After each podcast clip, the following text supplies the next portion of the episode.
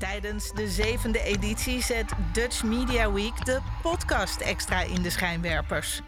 Samen met bekende en onbekende podcastmakers probeert het Mediafestival van Nederland om het wereldrecord podcast maken te vestigen.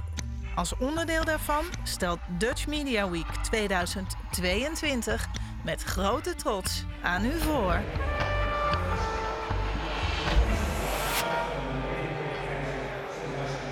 Ja, goeie avond voor ons. Uh, welkom bij het Koopa Café to go. Vandaag zijn wij uh, te gast bij Dutch Media Week als onderdeel van het Koopa Café. En uh, Dutch Media Week staat helemaal in de teken van de Nederlandse media. Dus wij dachten, we gaan het hebben over Nintendo en Nederland. En daarvoor heb ik natuurlijk de vaste klandizie van het Koopa Café in huis. Als eerste hebben we natuurlijk Dreon. Hallo. Hi. Mitch. Goedenavond. En Robin. Hoi hoi. En ik ben natuurlijk jullie host voor vandaag, Willem. En uh, we gaan het uh, vandaag dus hebben over vooral uh, Nederlandse games. En op het menu hebben we daarvoor een paar mooie dingen gepland. Allereerst willen we het even hebben over... spelen wij überhaupt games hier in het Nederlands van Nintendo? Wat hebben wij zoal met Nederlandse games? Hoe gaat dat in zijn werk bij Nintendo? En uiteraard hoe wij als Nederland af en toe in Nintendo's games tevoorschijn komen. En hoe we daarover denken. Dus er is een hoop om over te praten. En ik denk dat we allemaal ook wel een beetje hoe, hoe zit het met jullie en Nederlandse games? Doen jullie actief moeite om ze in het Nederlands te spelen?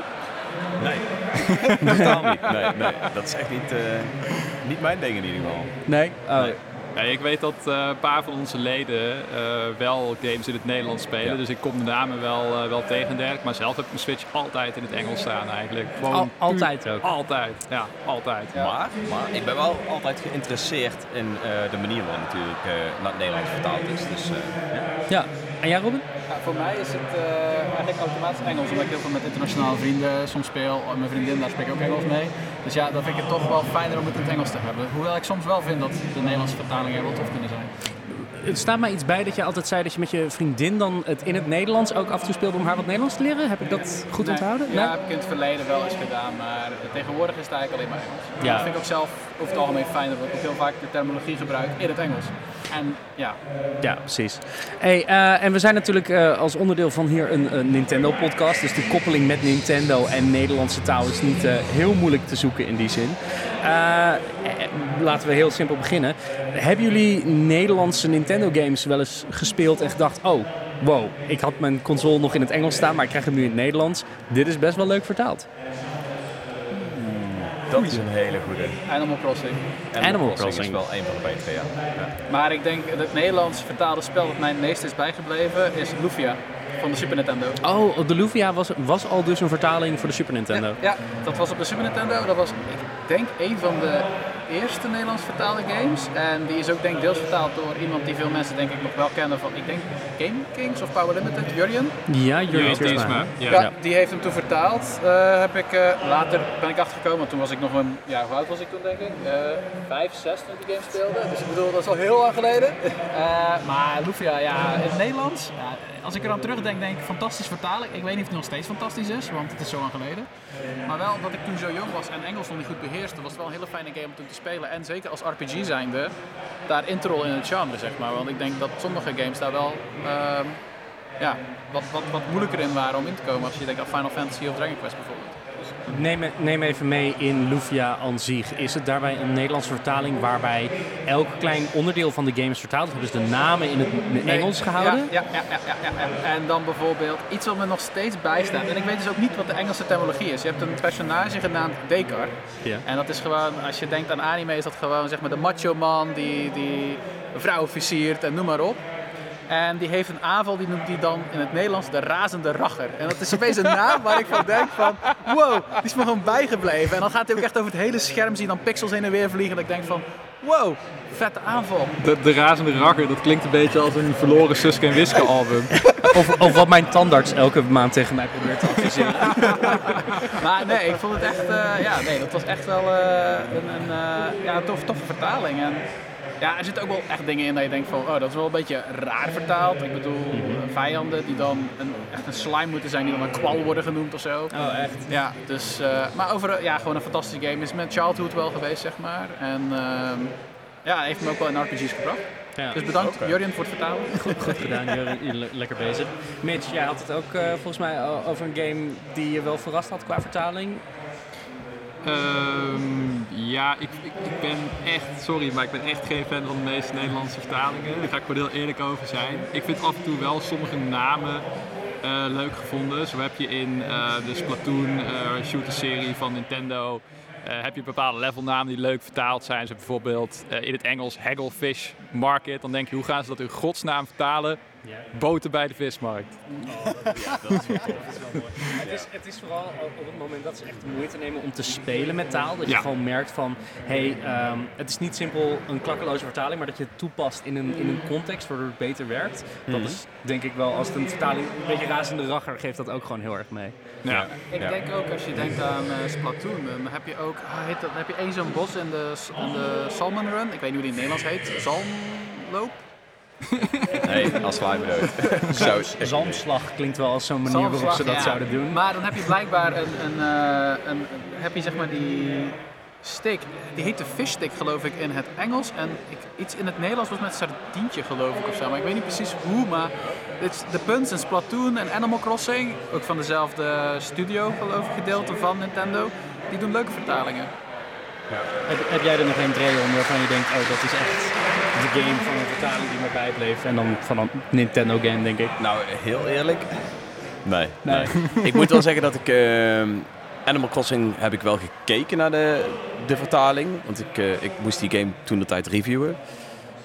Maar ik ben heel vlug weer teruggegaan naar het Engels. Ik moet wel zeggen dat om, het gaat natuurlijk al heel veel om teksten in Animal Crossing. En ik- ze hebben wel echt hele goede woordspelingen gevonden. En eh, ja, de hele manier van praten. eh, want je hebt natuurlijk bepaalde karakteristieken in de personages met wie jij spreekt.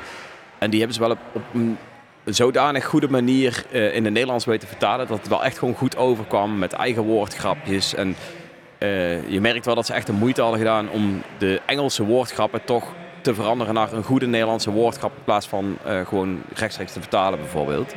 Dus ja, wel props voor de moeite. Maar ik, ja, ik ben helaas niet zo van, eh, van Maar- de Nederlandse vertalingen. Dan, dan ben ik wel benieuwd. Ik heb, ik heb dat zelf ook grotendeels. Ik kan het zeker, wat jij net zegt, waarderen als er moeite wordt gestoken Ja. in een vertaling. Ja. Is er iets in, in het Nederlandse zijnde wat jou dan afschrikt op dat moment? Waardoor je denkt, oh, ik zie dit Nederlands, het voelt niet natuurlijk. Is dat het? Heb je het gevoel dat je iets mist? Ja, ja ehm, ik, ik denk dat ik heel veel waarde hecht aan, aan de Engelse woorden, denk ik. Maar we hadden het net bijvoorbeeld over Splatoon 3. Nou, eh, Turf War, dat is eh, ja, het spel wat we natuurlijk allemaal eh, spelen tijdens Splatoon 3. Dat is grondoorlog, volgens mij in het Nederlands. Dat zijn allemaal van die, ja, van die vertalingen waar ik, moet me dan zeggen net dat ik daar in inmiddels vinden. wel een beetje aan, aan gewend ben. Ik, Toen ik het eerst had, dacht ik grondoorlog. Gadverdamme. De grond die jij gaat verven, dus van de ene kant snap Maar ik het wel klopt, een beetje. het, het, maar- heeft, ja. het, heeft, wel- het heeft wel iets Ja, eigenlijk. Maar nee, Nee, het sprak me alleen niet aan. Ik snap de vertaling en het is eh, ook zeker wel prima vertaald, maar nee, nee. Ja, wat, wat het voor mij meer is, is eh, je bent gewoon je hele leven lang opgegroeid met Engelse Nintendo games. Eh, en in Nederland hebben wij niet echt een nasynchronisatiecultuur zoals die in, bijvoorbeeld in Duitsland wel hebben. Hè. Daar draait zelfs de nieuwste Batman film ook gewoon keihard in het Duits. En dat is zo ontzettend raar als Nederlander om te zien van waarom in godsnaam. Maar dat komt ook een beetje omdat wij na synchronisatie natuurlijk ook een beetje associëren met de tekenfilms die toch vooral heel erg op kinderen gericht waren uit onze kindertijd. Hè, van Fox Kids, van Jetix, van Nickelodeon. Eh, daar associeer je Nederlandse stemmen mee. En je associeert welke films in de bioscoop krijgen vaak een Nederlandse dubs. Dat zijn toch vaak films die op kinderen of op alle leeftijden gericht zijn. Van, van Pixar, van DreamWorks of dat soort dingen. Dus daar wordt het ook gewoon een klein beetje...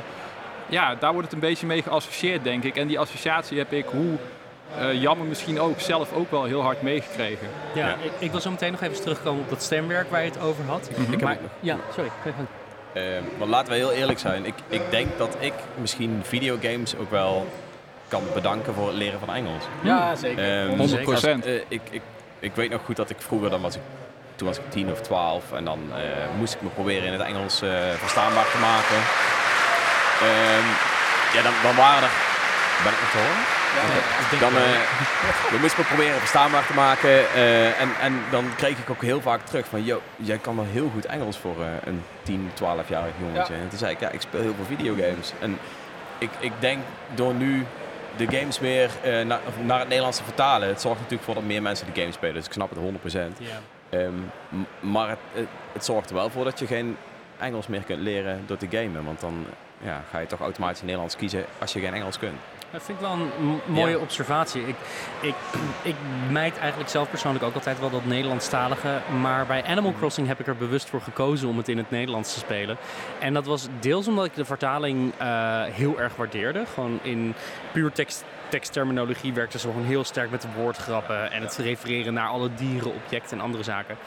Maar wat ook werkte was dat een spel als Animal Crossing die eeuwige knulligheid al uitstraalt voor mij. Als spel ja. is het al heel suf dat je eigenlijk op een eilandje zit en je bent aan het graven naar fossielen en verkoopt die in een museum. Dat is inherent suf. Dus om het dan ook nog maar in het Nederlands te doen, denk ik, ja, dan heb je gewoon dubbel de sufheid. Maar het, het complementeert het heel goed in zowel taal als gebruik. Ja, maar dat is toch wel grappig eigenlijk. Hè? Dat wij toch als Nederlanders onze eigen taal toch vooral in entertainment als suf en kneuterig of zelfs kinderachtig zien. Dat zijn inderdaad. Ik denk, en dat komt ook en toevallig hebben we het daar ietsje hiervoor over gehad. Wacht je, weet je het? Dan kan ik het mooi uitleggen. Ja. En dat is het Misty effect. Als iedereen... Ja, ja, Ja, die ga ik uitleggen. Ja, daar had ik het over. Ehm, toen, in ieder geval, ik ben gewend, ik ben ietsje ouder dan jullie denk ik, maar in ieder geval, ik was het gewend dat de meeste, dat de meeste series in het Engels waren, waar ik keek, dikke filmseries, die waren ondertiteld. Eh, Power Rangers, Samurai Cats, eh, Samurai Pizza Cats, waren allemaal Engels. En opeens kwam Pokémon daar in het Nederlands. Hartstikke goed, klonk best prima. Eh, ik had er helemaal geen probleem mee. En toen hoorde ik Misty. En die hoorde ik ook in die tekenfilm. En die hoorde ik ook in die tekenfilm. En die hoorde ik ook in die tekenfilm. En na een tijdje is iets van, yo, die is toch wel heel erg ver eh, overal een beetje bezig. En dan denk je toch van, ja, dat is het probleem denk ik met, ehm, met Nederlandstalige voice actors. Is het probleem juist, er zijn er niet zo heel veel. Waardoor je juist heel veel overlap gaat krijgen. Wat je in vergelijking met misschien Duitsland, Frankrijk, Engeland, Japan niet zou hebben. Nee, precies. Ik denk ook, ik heb het zelf altijd genoemd het, eh het Hilversumse stemkamertje, waar alle mensen in zitten die alle stemmen doen, kun je op één hand tellen volgens Ja. mij. Omdat er zoveel continue overlap is. En zeker in animatie. Ik moet zeggen, we hebben het in die zin goed in Nederland dat we zo weinig Nederlandse Nintendo stemwerkers hebben. Want ja, qua echt stemgebruik hebben we op het gebied van Nintendo één heel berucht Nederlands voorbeeld. En ik ga hem toch maar gewoon midden op tafel gooien. De Zelda-games voor de Philips CDI. Het gezicht, de gezichten van het kwaad en de staf van Gamelon. En voor de mensen die niet weten wat dit is. eh, dit waren twee games die geproduceerd werden door een, als ik het goed heb, een, ehm, een studio in het oosten van Europa. En die waren ingehuurd door Philips om twee officiële games te maken voor de Philips CDI. Want zij hadden een exclusief contract met Nintendo om enkele IP's te gebruiken. Nou, hartstikke leuk voor hun, voor de IP's. Maar eh, de kwaliteit van de game liet dusdanig veel te wensen over dat de games gewoon helemaal geen succes waren. Maar ja, daar komt Philips dan als leuk Nederlands bedrijf en zegt de CDI is ook voor de educatieve markt. Dus alle spellen die we uitbrengen moeten ook een Nederlands educatief tintje hebben of Nederlandstalig zijn. Dus die hebben daadwerkelijk Nederlandse stemmen gekregen voor al die animaties. Dus waar we YouTube Poop al hebben voor de hele Zelda CDI-spellen, is er ook nog een aparte variant voor de Nederlandse YouTube Poop. Waarbij je Link dus ook dingen zegt als Tjonge, jongen, ik heb toch een honger. En dat je denkt, oh nee, er, er is nog een graad erger. En ik denk, inherent denk ik dat het voor ons gewoon heel... Het is alsof je op vakantie bent en achter je in de rij voor de ijsbar hoor je een Nederlander praten. Dat je denkt, ik wil gewoon nu in een balletje mezelf opkrullen en niet Ja. dat iemand ook maar iets doorheeft. Ik heb ook wel het idee dat dat deels komt vanwege het feit dat ehm, bepaalde, hoe wij zijn opgegroeid, is juist heel erg gefocust op het Engelstalige. Terwijl misschien nu een nieuwe generatie is die dat niet heeft gehad. Die zijn juist heel erg Nederlands opgevoed. In de zin van hun series waren in het Nederlands en noem maar. Dat hadden wij misschien veel minder. Waardoor wij ook juist daarom vast blijven hangen in het Engels blijven spelen van spellen. Maar als je dan kijkt naar misschien de nieuwe generatie, die vindt juist wel in eh, Nederlands te gaan spelen, omdat ze ook zo zijn opgevoed. Ja, er is een hele generatie eh, Nintendo gamers die gewoon opgroeit met Meester Zwaard en Boe Boe Boerderij in plaats van Master Sword en Moo Moo Farm. Dus ja, weet je. Nee, het is, eh, ik, ik vind het misschien wel interessant om toe te lichten. Ik, eh, ik zat natuurlijk een tijdje bij Nintendo, dus ik kon heel makkelijk ehm, eigenlijk een kijkje in de keuken nemen over hoe dat vertaalwerk eraan toe ging. En wat interessant is om te melden hierbij, is dat je dus echt een zogeheten bijbel hebt. Als een Nederlandse een Nintendo-titel voor het eerst wordt vertaald naar een andere taal, stellen ze een bijbel op voor die titel en dat dient als het handboek voor elke toekomstige lokalisatie. Dus in het geval van Zelda hebben ze die nu voor het eerst opgesteld sinds eh, Breath of the Wild. En daar hebben ze dus termen als de paraglider heet, wat ik heel mooi vind, de zweefvlieger. Want een paraglider, ja, kun je wel vertalen, maar zweefvlieger dekt die term mooi. Animal Crossing doet het volgens mij sinds de 3DS, als ik het goed heb. Misschien ook de Wii, maar dat weet ik niet helemaal zeker. Eh, Mario heeft hem al wel wat langer. Ehm, schijnbaar zal er ook wel ergens een bijbel voor Lufia liggen, denk ik. als, als dat ooit nog gaat gebeuren. Dus er is wel echt een, een methodologie achter wanneer Nintendo een titel naar het Nederlands vertaalt. En nou, wat ik al voel aan tafel, we zijn niet allemaal helemaal van... Je nog meer Nederlandse Nintendo games. Maar zijn er games waarvan je denkt... Ah, eigenlijk is het gek dat we daar geen Nederlandse gamevertaling van hebben... of geen bijbel hebben om naar te refereren. Pokémon echt Het was exact waar ik aan dacht, Robin, ja. Dat is gewoon degene waar ik het eerst aan denk, zeg maar. Van, waarom is Pokémon niet in het Nederlands? Het grappige is, eh, Pokémon is natuurlijk ook de serie voor jonge kinderen. En ja, eh, kun je geen Engels, dan helaas. Of je kunt het leren, hè, zoals wij vroeger gedaan hebben. Maar ja, dat het, het contrast met Pokémon voelt vooral zo extreem omdat de televisieserie altijd heel erg gefocust heeft op de Nederlandse taal. Right? Je hebt daar gebruikt ze wel de bliksemstraal en vlammenwerper. en, vertaling al. ja, Het ligt allemaal al gewoon in een script ergens in een kluis bij eh 4Kids. eh, Ja, je kunt het aan Misty vragen. je kunt het aan Misty vragen en je weet het. Ja. Makkelijker kan niet. dus eind- eindelijk hebben we een nut voor die vijf misties die in één zaal zitten. Dan kunnen ze gewoon hun kennis delen over de Pokémon-serie. Hoe zou het zijn als we gewoon de Pokémon game Scarlet Violet krijgen en dat wij het enige land zijn met voice acting? Oh ja, dat is cool. Het zal niemand in zijn dak En dan afnemen. elk personage is in, eh, ingesproken door de voice actrice van Misty. Ja, Ja, Oké, dat is Ja, goed. oké, nou, 100%. prima. ja. Ik denk eh, een, een leuke Nederlandse titel die ik hier nog wel in noemen, wel dat stemmenwerk heeft, is de Professor Layton-serie. Die is vanaf eh de tweede deel op de DS vertaald naar elke taal binnen Europa. Ehm, dat is tegelijkertijd een blessing en een curse, als je het mij vraagt. Want ehm, ik ben iemand die bij Professor Layton het niet kan hebben dat het in het Nederlands is. Want Layton is een Britse hooggeleerde. En als je dat een hoge hoed, inderdaad. Hij drinkt thee, hij lost puzzels op, hij is archeoloog. Het, in elk mogelijke aspect is hij als een Brit neergezet. En als je dan de stem van, ik zou niet durven zeggen wie de stem doet, maar bij feite Carlo Boshart hoort, eh, hoort praten. En dat, zit er zo'n disconnect in. Dus ik heb voor mezelf de moeite gedaan elke game uit Engeland te importeren. Want de Professor Layton games zijn de enige games die gehardlocked zijn eh, als je ze koopt in Nederland. Als je ze koopt heb je altijd een Nederlandse versie. Waardoor het heel moeilijk, waardoor je niet taal kan wisselen. Dus het is zo'n extra hobbel die ik moest overkomen om al die games gewoon goed te spelen en te verzamelen. En dat is zichzelf doorgetrokken tot de Professor Layton versus Ace Attorney op de 3DS. Eh, rest in peace soon. eh, met scalperprijzen. Want eh, daarbij hebben ze ook de moeite gedaan om alle Ace Attorney dingen in het Nederlands te vertalen. Met een eigen Nederlandse voicecast. Dus er moet nu zowel een bijbel zijn van Professor Layton als voor Ace Attorney. En dat geeft me eigenlijk meer angst dan, dan Maar hoop, heeft- moet ik heeft zeggen. Nintendo die game dan ook uitgegeven? Want eh Ace Attorney is natuurlijk een Capcom eh, franchise. Ace Attorney was een Capcom eh, Level 5 co-productie en ik denk dat Nintendo daarbij assistentie heeft gedaan Mm. op dezelfde manier dat zij dat deden voor de originele Professor Layton games op de DS. Ik weet dat ook daar Jurjen Tiersma in ieder geval de eerste, of de tweede game moet ik zeggen, een grote hand in had. Dus dat proces ontwikkelt zich ook eh, steeds verder. Dus dat is, vind ik altijd wel heel, eh, heel interessant. Ik denk wel dat bij lokalisatie, ik denk dat het wel een beetje afhangt ook wanneer ik een spel misschien eerder in het Nederlands zou spelen. Ik denk bijvoorbeeld aan Nintendo of een Brain Training, zulke soort spellen, Animal Crossing. Die zou ik misschien sneller in het Nederlands spelen dan een spel die ik al jaren ken in het Engels. Zoals een Mario, als een Zelda, een Metroid, waarvan ik vandaag achter kwam dat Metroid Dread in het Nederlands is.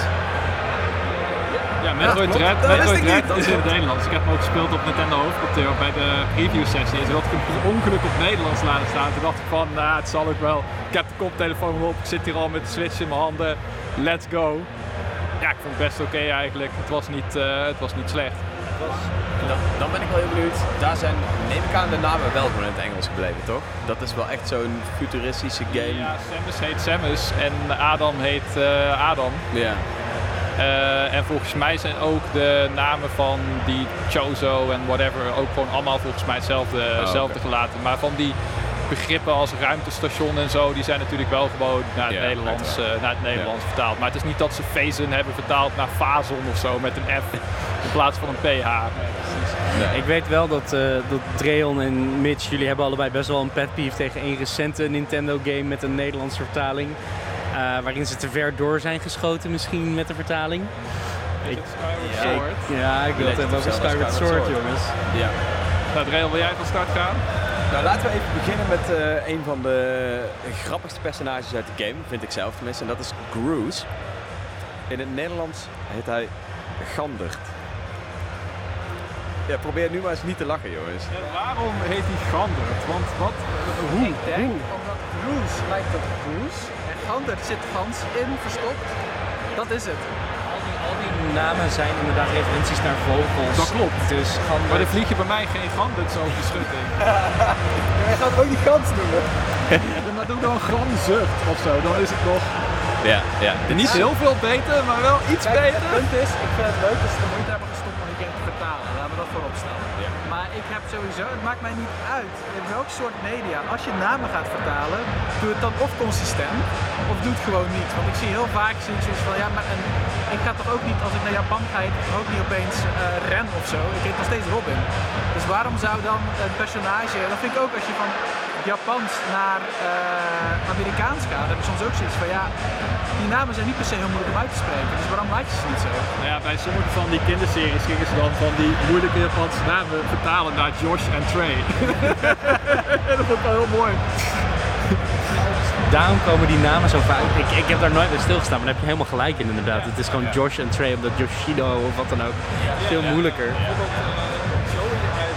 Yo, die heet eigenlijk eh, Yono Ichi of zo. Maar daar hebben ze dus Joey van gemaakt. Dan denk ik van, nou weet je, Dat is dat is best prima. Maar dan Ja. van Bruce naar Gandut of van eh, de villain in de game Demise naar Fatalot. Dat, was klinkt als een. Efteling-attractie, man. Of in ieder geval een Efteling mascotte kunnen we wel zeggen. Want Fatalot, Fataal, Lot, Demise, Destined, ja, Ja, ik, ik vind het wel slim gevonden, maar het klinkt Het mij... was nergens voor nodig, laten we eerlijk zijn. Nee. Ja, dat nee. Game of Thrones had dat ook. Daar hebben bepaalde namen hebben ze dan wel gewoon in het Nederlands houden. En sommige gaan dan geloof ik daar wel naar het, eh, eh, naar het Engels. Ik denk van, wees consistent, weet je. En soms is het ook helemaal niet nodig. Want soms denk ik gewoon van, als, als ik de Blackfish heet, is veel enger dan de Zwartvis. Oeh, de Zwartvis. Bijna als zo'n point-and-click adventure game van Lucas, Lucas Arts, weet je wel, dat ze maakten waarbij je dan... Ik weet niet of die vertaald waren überhaupt, maar ik, ik heb ze te weinig gespeeld. Maar die waren wel echt, behielden hun Engelse taal daar wel heel erg in. Ja. Ik Maar vond, ja. Ik denk dat we het allemaal dan wel over eens zijn dat namen wel een beetje te ver gaan om te vertalen. Of is er ook nog iemand die zegt van, oh, namen vertalen helemaal prima. Ik ben even aan het denken of er een game is waarbij ik denk van die namen die zijn gewoon eh, heel tof vertaald. Maar Ik weet niet, ik denk, ik, tot op zekere hoogte kan ik het idee van ehm, een Gandert en een Fatalot wel waarderen. Omdat, omdat er toch een soort creatieve eh, spin is genomen op, op wat het moet zijn. En oh, vind ik het, goeie, vind ik het goed als naam, als een... Hey Gandert, hoe is jouw dag vandaag? Dat, you kan ik het gezicht ook niet strak houden. Maar tegelijkertijd denk ik wel voor, een, voor die immersieve wereld waarin je zit als... Laten we zeggen, dit is vooral voor kinderen of voor mensen die gewoon niet de Engelse taal beheersen. Is het wel fijn dat je gewoon elk personage kan uitspreken en aanspreken, toch? Nee, maar dat bedoel ik. En ik denk wel uiteindelijk dat het, ehm, hoe heet het, Eh, het geeft meer mogelijkheden voor mensen om iets te kunnen doen, zeg maar. En ik denk dat dat wel het belangrijkste is. Wanneer mensen, eh, als zij zeggen van, hey, wij willen deze game spelen, maar ik kan geen Engels, dat die dan toch vertaald is. En desnoods de namen makkelijker zijn gemaakt. Ik kan het heel goed begrijpen. Alleen, ja, soms vind ik het niet nodig, zou ik het zeggen. Ik heb een heel klein beetje eh, met bijvoorbeeld een, een game als The Legend of Zelda Skyward Sword. die, die vertelt het beginverhaal van de hele Zelda-franchise. Dat is eigenlijk eh, ja, een redelijk serieus verhaal. En ik denk dat, dat namen als Gandert en Vaterlot voor mij daar de immersie doorbreken of zo. Snap je een beetje wat ik bedoel? Nou, je zegt het hier nu hardop en ik denk opeens, oh god, dit, dit gaat natuurlijk in die Zelda-bijbel. En als er ooit in de toekomst dus wordt verwezen naar Demise, dan is dat voor altijd Fatalot. En dat is wel even een, een harde binnenkomer voor mij. Maar waar, ik, waar ik wel aan moest, eh, aan moest denken, eh, het is natuurlijk wel zo dat, ik zei net dat het Efteling-achtig klinkt. Maar wat jij net zei Willem, van als jij dit speelt als kind of als iemand die eh, zelf eh, de Engelse taal niet, eh, niet goed beheerst, dan past dat sprookjesachtige bij de, van de Efteling natuurlijk ook wel bij een sprookjesachtige game als Zelda. Dus in die zin is het ook weer een compliment die, dat het wel eh, past binnen de fantasy setting, maar dan een beetje meer kneuterig op zijn Nederlands. Maar het past nog wel binnen de fantasy setting. En als ik dat dan vergelijk met sommige dungeon namen zoals eh Lenero's eh, mijnbouwcentrum. Ja, dat, dat, dat is gewoon net alsof je naar de gamma gaat. Inderdaad. Die was best, dat was het eeuwenoude eh, reservoir uiteindelijk. Dus dat valt, dat valt mee. Maar Lenero's mijnbouwcentrum, ja, ik, sorry, ik ga nog even boodschappen doen. Even een paar eh, planken hout inslaan eh, voor de winter. Dat haalt me wel uit de game. Ja. Het, het laat wel zien dat ze echt meer moeite proberen te doen erin dan simpelweg zeggen van oh het is, eh, eh, het is Google Translate niveau, weet je. Het is niet, je weet je, eeuwenoude reservoir is beter dan oude stortbak, weet je. wat jij, dat ik denk van er is, er is een duidelijke passie en hart achter en ze nemen het serieus. Het is niet een nagedacht van oh en we moeten hem in het Nederlands doen, kleur maar door Google Maps, er zit, Google Translate. Er zit een team echt op die dit doet. Makkelijk, hè? Want ze weten dat ze die haat gaan krijgen. Ze weten dat de meeste mensen zijn opgegroeid met de serie in het Engels. Dus die, wat ze ook voor Nederlandse naam gaan bedenken. Er zal altijd kritiek op komen.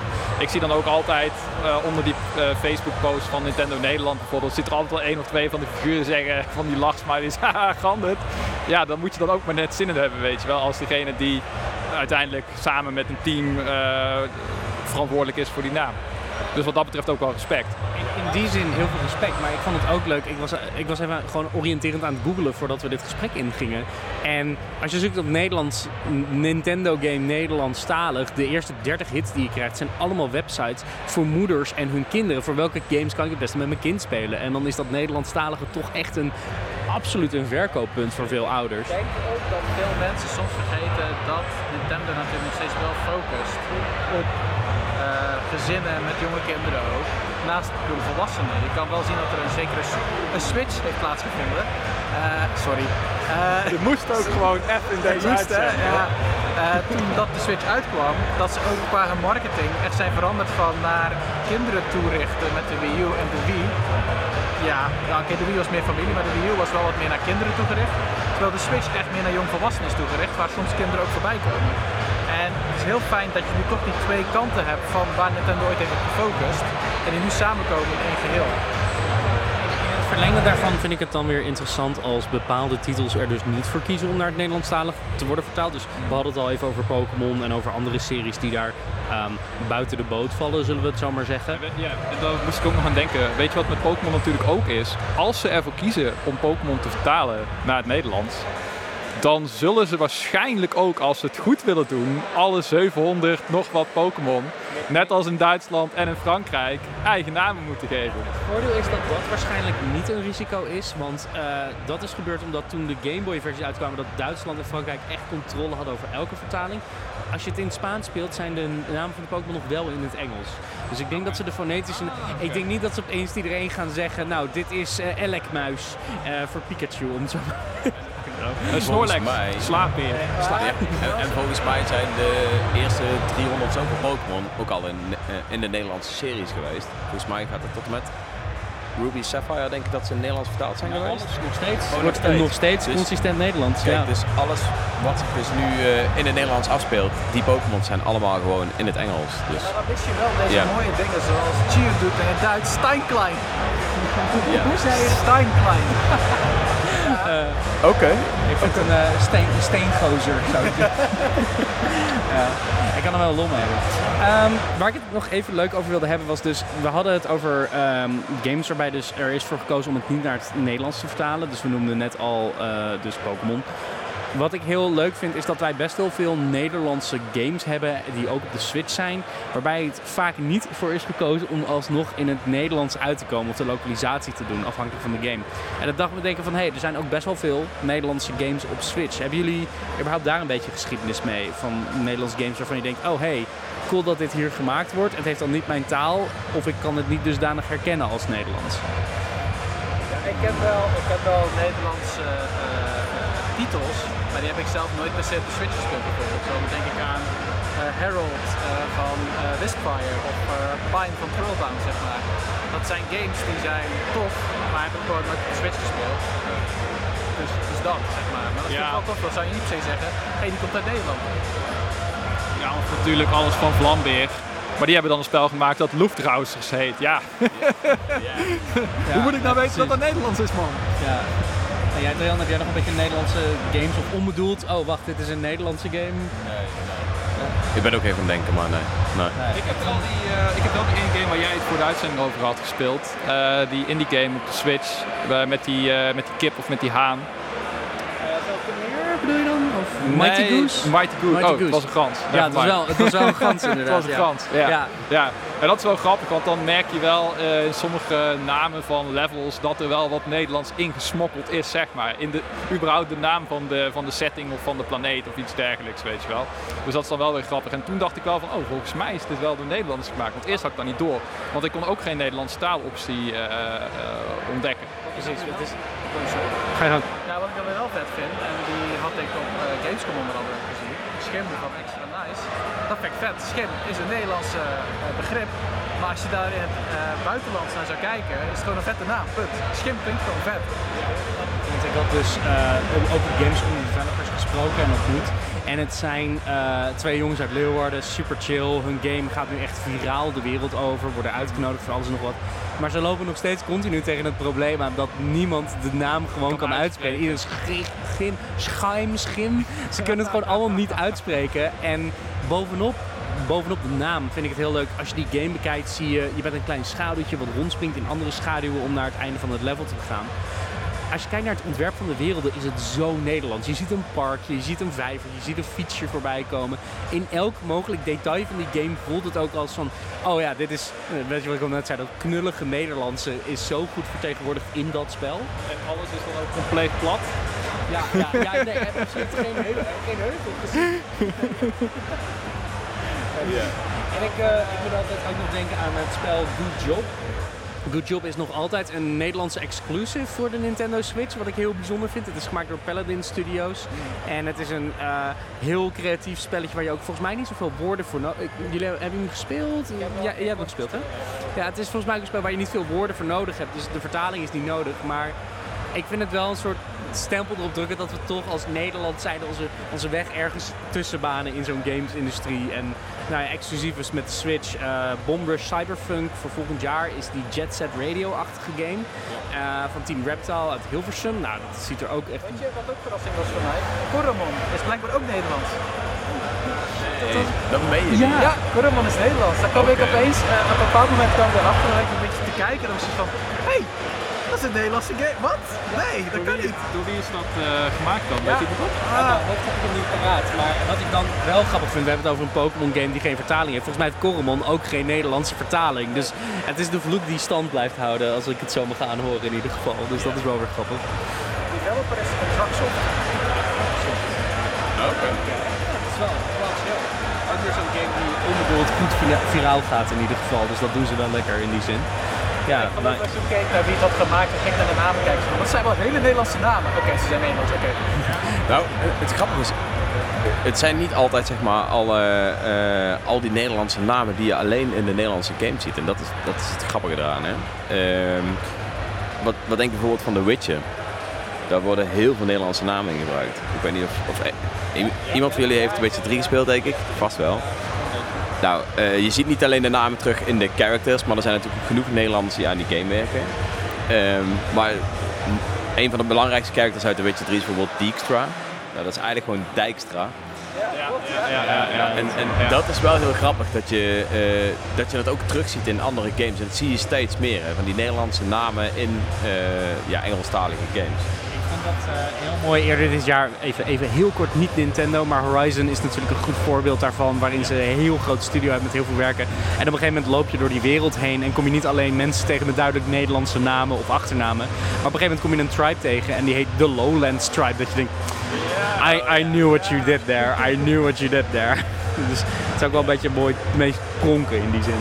Ja, en qua Nederlandse game-industrie breder dan Nintendo moeten we natuurlijk ook niet vergeten dat, eh, dat Herman Huls nu gewoon eh, een van de grote bazen is van, eh, van Sony natuurlijk.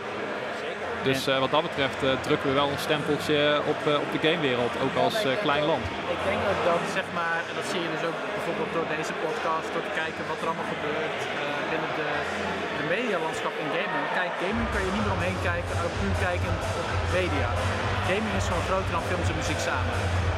Het is ook heel cool om te zien dat nu meer mensen dat beginnen in te zien. Dat ze daar ook echt in te pushen om te zien van, oh, deze mensen werken met cutting edge technology, met VR, met AR, met andere dingen. Eh, motion controls, noem maar op. En uiteindelijk gaat het zelfs een stapje verder.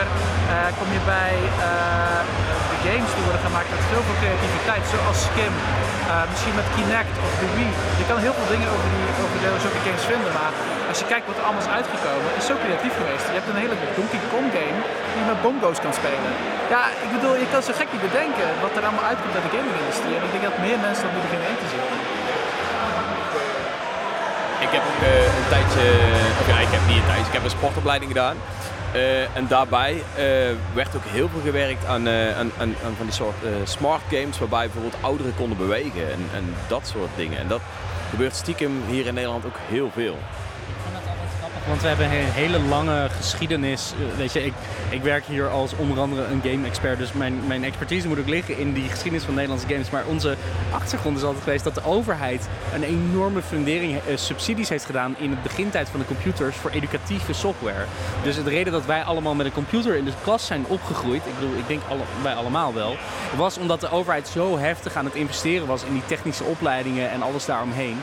Eh, en dat is de reden dat we ook bedrijven als Davilex hebben die Red Cat hebben uitgebracht en A2 Racer. En dat zijn zulke duidelijke Nederlandse spellen die hun stempel erop hebben gedrukt en nog steeds veelal een begrip zijn. We hebben af en toe dat we hier iets, iets delen over Red Cat op onze eigen online social media. En dat mensen helemaal nuts gaan van, oh mijn god, Red Cat, wanneer kunnen we dat weer spelen? Wat is er zo vet aan? Ehm, dus zeker, zeker bij die jonge generatie die zijn opgegroeid met games in hun jeugd. Nou ja, wat jij noemde met Lufia, de razende racher, ga je ook nooit meer vergeten in die zin. Dat vind ik altijd toch wel mooi dat taal en connectie en herkenbaarheid daar wel echt een rol in spelen. Ja. In, in het verlenging daarvan had ik nog een. Heb ik nu een heel mooi bruggetje. Want eh, we hadden dit jaar voor het eerst dat wij als Nederland zijn vertegenwoordigd op echt zichtbare schaal in een Nintendo game. Namelijk met de Amsterdam Drift in Mario Kart Tour. Ik ben heel benieuwd, wat, wat vonden jullie daarvan? Mag? Meteen met iets negatiefs beginnen voor jullie of willen jullie eerst positieve punten? Ja, Kijk, het, het, hetgene waar ik altijd heel slecht tegen kan is als Nederland vertegenwoordigt in iets, is dat we alleen maar molentjes en klompen zien. Eh, ja, bijvoorbeeld dus dat level eh, eh, in Mario Kart Tour, maar denk ook bijvoorbeeld aan Spider-Man, hè, die, die scène dat hij in een Nederlandse gevangenis terechtkomt Oh, langs ja, eh, ja, Jeroen, ja, eh, hoe heet Jeroen van Koningsbrug volgens mij. En En, weet je, dat is zo typisch Nederlands dat hij wakker wordt in een of ander dorp waar niemand ooit van gehoord heeft, vol met molens. Ehm, dat, is, ja, dat is niet, ja, niet meer echt Nederland. Ik bedoel, kijk waar wij nu zitten, in, eh, wat voor mooi Nou, gebouw. ze is toch best dicht bij Kinderdijk.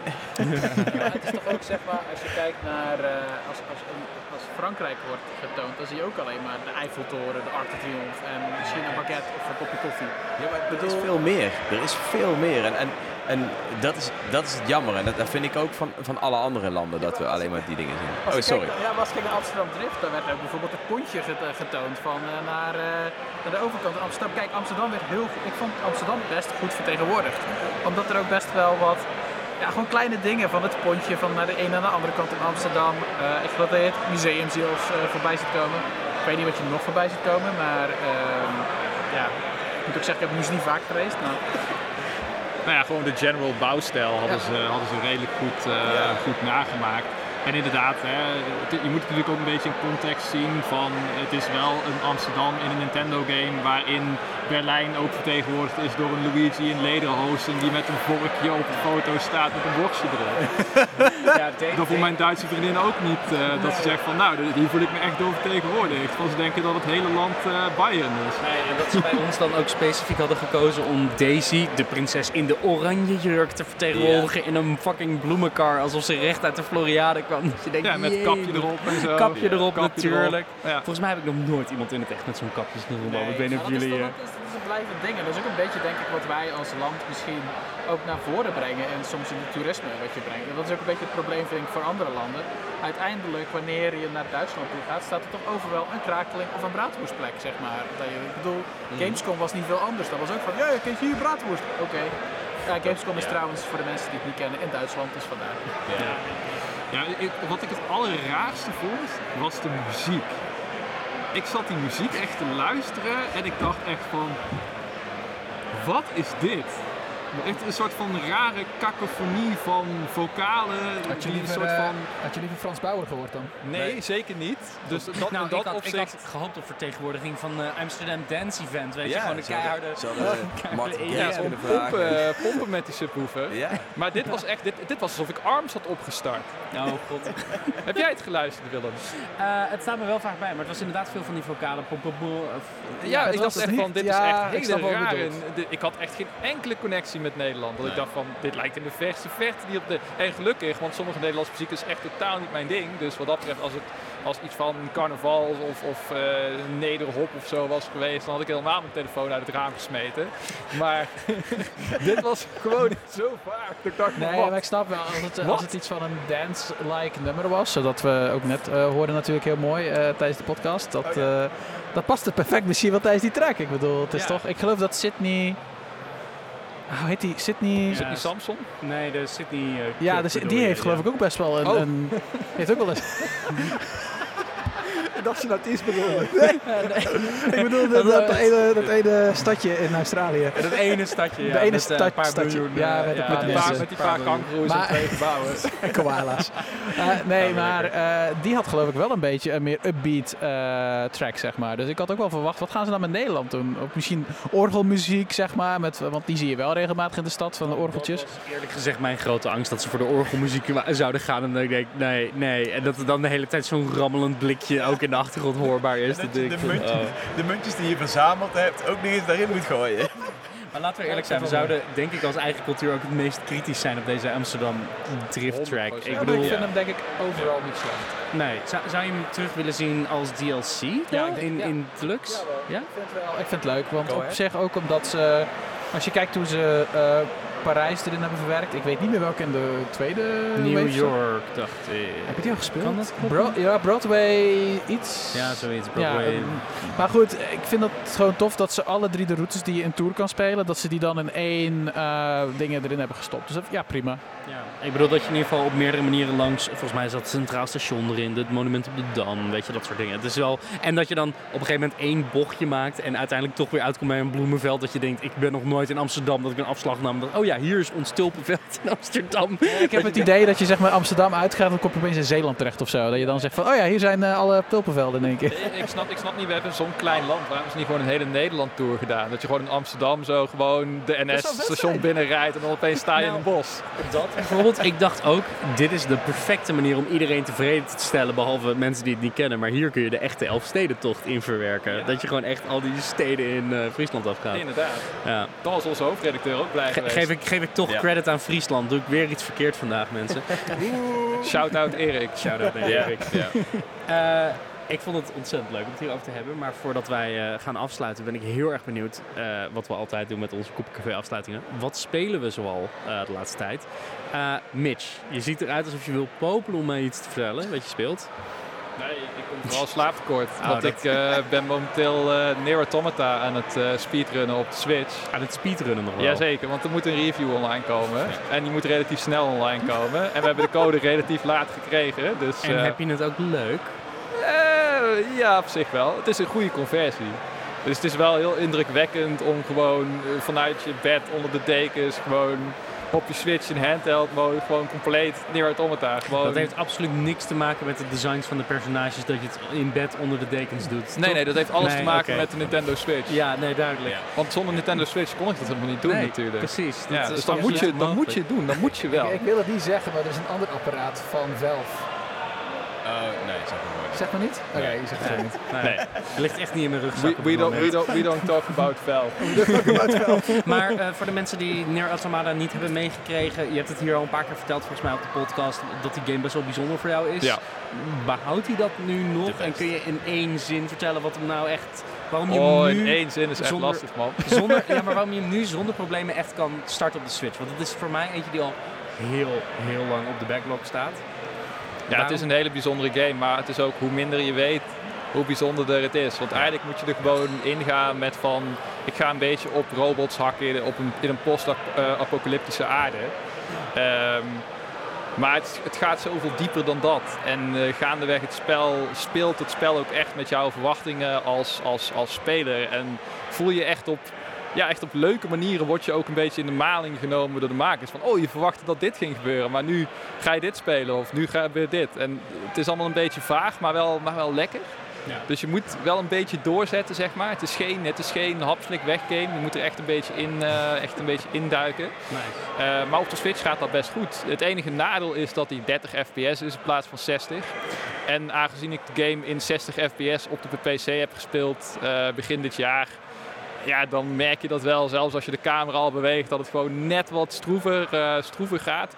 Maar ja, uiteindelijk ben je daaraan en dan is het een hele indrukwekkende, indrukwekkende port. Je bent gewoon in feite gewoon een slightly downgraded PSV-game op je Switch aan het spelen in handheld mode. Dus wat ik wil Onder zeggen is dat je, dat je hem half zo snel gaat speedrunnen als dat je op PC zou kunnen doen.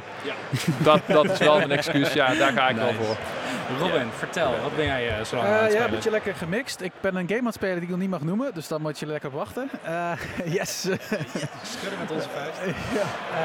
Ehm, eh, Sunbreak, natuurlijk. Monster Hunter, die heeft pas een nieuwe update gehad en daar ben ik nog eh gezellig mee bezig. Ik ga binnenkort ook een nieuw wapen proberen, want met mijn huidige wapen is alles toch wel heel makkelijk aan het worden. Dus ik ga toch maar weer eens even de moeilijkheid opzoeken. Eh, na de Dutch Game Marathon, ik moet toch even plug-in doen, want daarom is die baard er ook af voor de kijkers die het voor het eerst zien. Ehm, ja, daar ben ik ook Splatoon gaan spelen, dus daar ben ik nu ook mee bezig. En als laatste van de vooruit de voorraadkast, Kirby 64. Dus, eh, bezig. ja, die heb, ik, eh, ja, die heb ik, die heb ik eh, gisteren een stukje gespeeld en ik was ontzettend verrast hoe leuk de mechanics zijn van die game. Mhm. Ja, de, kop, de, de copier abilities. Ik had besloten de tutorial niet te kijken. Toen dacht ik van, ik het toch wel moeten doen. Want het was, ja, ik moest even wat langer zoeken dan zeg maar, als ik het waarschijnlijk had geweten. Het is Kirby. Ja, het is Kirby, ik weet het. Maar toen had ik wel geweten dat je zeg maar een copy ability kan pakken, die kan uitspugen en dan kan gooien naar de vijand en dan kan combinen. Want ik zat al te zoeken, hey, ik denk ik kan combinen, maar hoe gaat dit? En dan duurde me heel even voordat ik het door had. Dus. Maar heel leuk. Dus, eh, Nice. ja. Voor de mensen die we dus gemist hebben, we hebben nu voor de voorraadkast deze maand de game Kirby 64 de Crystal Shards. We spelen hem de hele maand eh, met een deel van de redactie, of in ieder geval hopelijk met de hele redactie uiteindelijk. En als je het leuk vindt, kun je gewoon zelf meedoen door thuis de game te spelen. Over twee weken plaatsen we een update en aan het einde van de, de maand oktober plaatsen we een mooie overview. Dus ehm, mocht je Kirby 64 nog niet gespeeld hebben, dit is je kans. En eh, doe lekker met ons mee. Dreon. En voor de mensen die niet weten wat de voorraadkast is. Dankjewel. Wat is de voorraadkast, Willem? De voorraadkast is onze prachtige eh, voorraadkast onder het Koopa Café. En de voorraadkast heeft gewoon het probleem, er staan heel veel games die je altijd al een keer had moeten spelen, maar gewoon even opzij hebt gelegd. Eigenlijk een soort backlog van Nintendo Classics. En ja, dat, dat moet toch ook een keer gespeeld worden. Dus in de voorraadkast halen we een game uit de voorraadkast, spelen we hem en bepalen we of hij uiteindelijk bij de recycling gaat, want het is toch niet waard. Of dat hij toch een ereplekje verdient in ons mooie Koopa Café. Dus mocht je dat aanspreken voor Kirby 64, laat vooral weten hoe het is in onze Discord van het Koopa Café. En eh, ja, ik, ik ga hopelijk volgende week beginnen. Ik ben zelf momenteel nogal druk, maar ik heb er... Dit, eh, dit is een goede pitch, Robin. Ik eh, ben, ben nu wel Hij is, gemotiveerd. hij is echt leuk, dus eh, ik raad hem eh, aan de hele redactie hier zo aan. En ook die luistert momenteel. Dus, eh. Ik ga dan ook meteen even toegeven, want ik ben totaal geen Kirby-fan, dat weten de meesten wel. Maar ik heb eh, eh, die Kirby-game toevallig wel gespeeld. En dat is wel een van de betere. Dus, Ga je de vergeten wereld ook leuk vinden? nee. nee, heel, heel eerlijk, misschien wel, maar ik, ik ga hem gewoon nog niet proberen. Misschien als ik ooit een keer... eh, Je mag hem een keer van me lenen. Dan kan je ook geen nee zeggen, want dan hoef je niet voor te betalen. Dus dan, eh, hey. Oké. Zeggen, Live op stream. Kirby, Kirby 64 is wel echt qua beweging wel een van de traagste Kirby games. Een Forgotten World, Vergeten Wereld, die speelt wel een stuk soepeler, een stuk sneller. Er zit wat meer actie in. Ehm, is net wat uitdagender, maar zo'n Kirby 64 is gewoon relaxed en leuk. Maar juist als je denkt van, oh, Kirby allemaal traag, beetje saai, eh, beetje te makkelijk, dan is zo'n Vergeten Wereld wederom voor jou, Dreon, echt wel een keer leuk om door te spelen. Dreon, eh, Ja. Kirby wordt het hem dus eh, nog niet, maar wat, eh, wat speel je wel? Nou, ik ben momenteel eh, nog een klein stukje bezig met Xenoblade Chronicles 3. Eventjes nog wat, eh, wat dingen eh, finishen, nog wat quests ik afmaken. zie hier twee hongerige mensen die volgens mij echt aan het wachten zijn tot je klaar bent. om, Ik ben al eh, klaar. Ik ben al oh, klaar. oh, je bent- oh, je bent gewoon door aan het ik- spelen. ik- maar ik ben nog eventjes wat, eh, nog wat extra dingen aan het doen, zeg maar. Nog wat missies uitspelen, et cetera.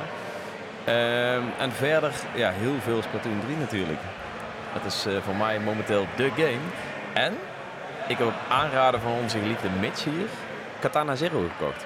Ik wilde eigenlijk eh, afgelopen weekend beginnen. Dat heb ik niet meer gedaan. Dus dat gaat deze week denk ik wel gebeuren, ja. Ja. Nice. Ja. Nice. Ga je geen spijt van krijgen. Nee, 100%. Dus, Lekker eh, bezig. Ik heb goede dingen gehoord. Ik heb hem zelf ook niet gespeeld, maar wel goede dingen gehoord. Dus eh, dat is mooi te horen. Ja, ik, ik ben zelf gedoken in een ander gat, namelijk Shovel Knight Dig. Eh, mijn bruggetjes zijn er nog steeds. Ehm, het, is een, het is eigenlijk alsof Shovel Knight een remake heeft op de Super Nintendo met 16-bit graphics. Het ziet er echt waanzinnig tof uit. De structuur is echter compleet anders. Het is namelijk nu een roguelike geworden, eh, waarbij je dus echt elke keer opnieuw moet graven naar de bodem en zoveel mogelijk schatten moet hebben. Maar je kan tussendoor wel steeds meer upgrades kopen. Dus er zit wel een progressieve lijn in. En ik hoop dat dat me wel aan boord houdt. Want roguelikes kunnen mij, bij mij echt heel erg in het verkeerde keelgat, schat- eh, keelgat schieten. Ehm, ik weet dat mensen helemaal eh, lyrisch waren over Curse to Golf. Maar de hele rogue mechanic daarin was mij echt gewoon veel te veel. Uh, maar Shovel Knight Dig tot dusver bevalt hartstikke goed. Ik moet ook een shout-out geven aan de game Tunic. Uh, ik kan hier een uur lang een betoog houden, maar ik, voor de mensen die nog twijfelen over Tunic op Switch, de game is locked 30 fps en ziet er prima uit. Dus als je nog niet de kans hebt gehad om het te spelen, is Tunic op Switch echt, echt een aanrader. Als je Mm. houdt. Ja, want, want Tunic is eigenlijk ook zo'n game waarvan ze zeggen, daar kun je beter niks over zeggen en gewoon beginnen. toch? Exact. En Ja. dat is ook een beetje waar ik me in probeer te houden. Maar voor wie echt de, de hele simpele pitch wil. Het is niet een Zelda game. Het is niet een Dark Souls game. Het heeft echt zijn eigen ding. En de magie van dat spel zit in hoe je leert hoe het spel werkt. En dat is alles wat ik zeg. En dat klinkt saai, maar er zijn, als ik alle oh shit momenten zou tellen waarbij ik mij realiseerde dat ik iets kon doen, dat, dat maakt dit voor mij nu al de game van het jaar. Ik kan ook zeggen dat het niet beantwoordt, maar is het zo dat je uiteindelijk eh, de dingen al kan doen, maar dat je er pas achter komt wanneer je erachter komt dat je het kan doen of niet? Dat, ik, vind dat, ik vind het geen spoiler, dus die ga ik beantwoorden. Ja, in het begin ontdek je dat, dat je hebt een knop om te slaan en een knop om een rolletje te maken als in Zelda. En na het eerste scherm kom je er al achter, of na het eerste scherm, ja, kom je erachter dat als je die rolknop ingedrukt houdt, dat je dan kan rennen. En dan, kan je alles al doen, maar je moet erachter komen door het spel te ik spelen. ga niet zeggen alles, maar je kan veel. Dat is, dat, zo ga ik hem heel goed in het balans houden. En het is echt, jongen, tot dusver mijn game van het jaar. Eh, dus Nice. uh, ik kan weinig hogere praise geven dan dat. En ik vond Neon Run al, uh, Neon White al fucking vet. Dus kijk, goed jaar. Nice. Um, en ja, andere games mag ik nog niet noemen. Dus to, to be soon confirmed slash talked about. Dat is altijd een leuke. uh, ik wil jullie ontzettend bedanken voor deze prachtige live bijeenkomst voor de Dutch Media Week en het Koepelcafé To Go. Uh, ik heb het hartstikke leuk gehad om te praten over Nederlandse games en Nintendo en lokalisatie. Um, hebben jullie nog iets wat we willen pluggen? Vergeet natuurlijk niet je te abonneren op onze podcast Het Koopa Café uiteraard. Uh, check natuurlijk onze website www.n1up.nl waar wij natuurlijk allemaal onze mooie artikelen, reviews, nieuws en andere dingen posten. En uh, wordt uh, lid van de Discord die je ook kan ja. vinden op de website. Dus uh, www.n1up.nl Ja, als je denkt ik wil meer weten over Nintendo en lekker kletsen met andere Nintendo fans, wij zijn daar grotendeels van de dag te vinden. Dan uh, resteert mij niks anders dan jullie allemaal hartstikke te bedanken. En uh, dan zie ik jullie graag tot de volgende keer in het Koepencafé. Yes. Ja, en, en, nog eventjes vlug oh. voor degene die uh, niet van Engelse woorden houden en graag een Nederlandse vertaling willen. Het is n1up.nl. Eventjes. Kijk, goed cijfer 1up.nl. Ja. Ja. ja. Mooi afsluiting. Dank jullie wel jongens. Dank je wel. Dank je wel.